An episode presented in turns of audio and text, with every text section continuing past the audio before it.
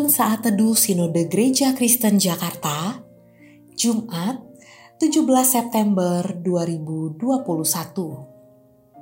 Judul Renungan, Setia di Ladangnya, terambil dari Nats 2 Timotius 4 ayat 6-8. Mengenai diriku, darahku sudah mulai dicurahkan sebagai persembahan dan saat kematianku sudah dekat Aku telah mengakhiri pertandingan yang baik, aku telah mencapai garis akhir, dan aku telah memelihara iman. Sekarang telah tersedia bagiku mahkota kebenaran yang akan dikaruniakan kepadaku oleh Tuhan, Hakim yang adil, pada harinya. Tetapi bukan hanya kepadaku, melainkan juga kepada semua orang yang merindukan kedatangannya saya mengenal pasangan Dr. Wendell dan Marjorie Gary.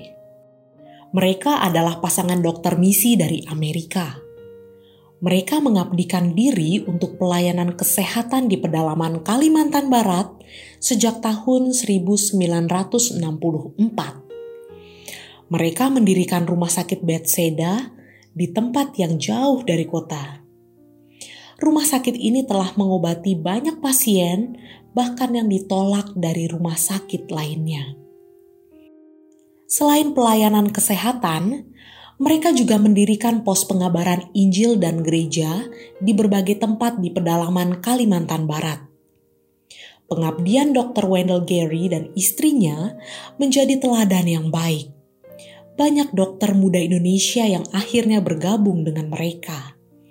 Bahkan anaknya sendiri, Dr. Paul Gary, juga bergabung dan rela meneruskan pelayanan ayah mereka. Dr. Wendell Gary dan istrinya telah memberikan masa muda mereka bagi Tuhan dan melayani sampai mereka pensiun selama 45 tahun pengabdian. Pengabdian mereka telah menyelamatkan banyak orang di Kalimantan Barat baik secara jasmani maupun rohani. Dua tahun lalu, pada tanggal 12 Desember 2019, Tuhan telah memanggil Dr. Wendell Gary kembali ke rumah Bapa.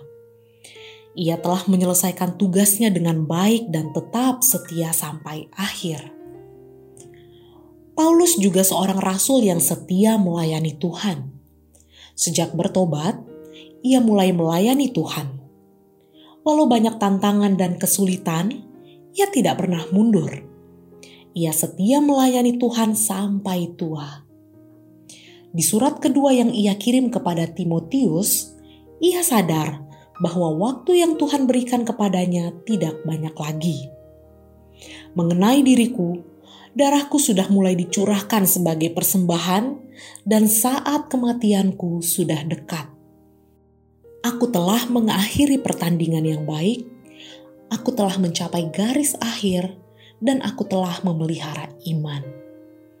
Dengan kata lain, Paulus mau menyatakan bahwa ia telah menyelesaikan pelayanannya dengan baik sampai garis akhir dan telah setia. Sudahkah kita melayani Tuhan dengan kesungguhan hati? Apakah sampai hari ini kita masih setia melayaninya? Ada orang yang awalnya giat melayani, tapi akhirnya meninggalkan pelayanan. Kiranya kita dapat seperti Dr. Gary dan Paulus yang melayani Tuhan dengan setia seumur hidup mereka. Setialah melayani Tuhan dari awal sampai akhir. Tuhan Yesus memampukan kita.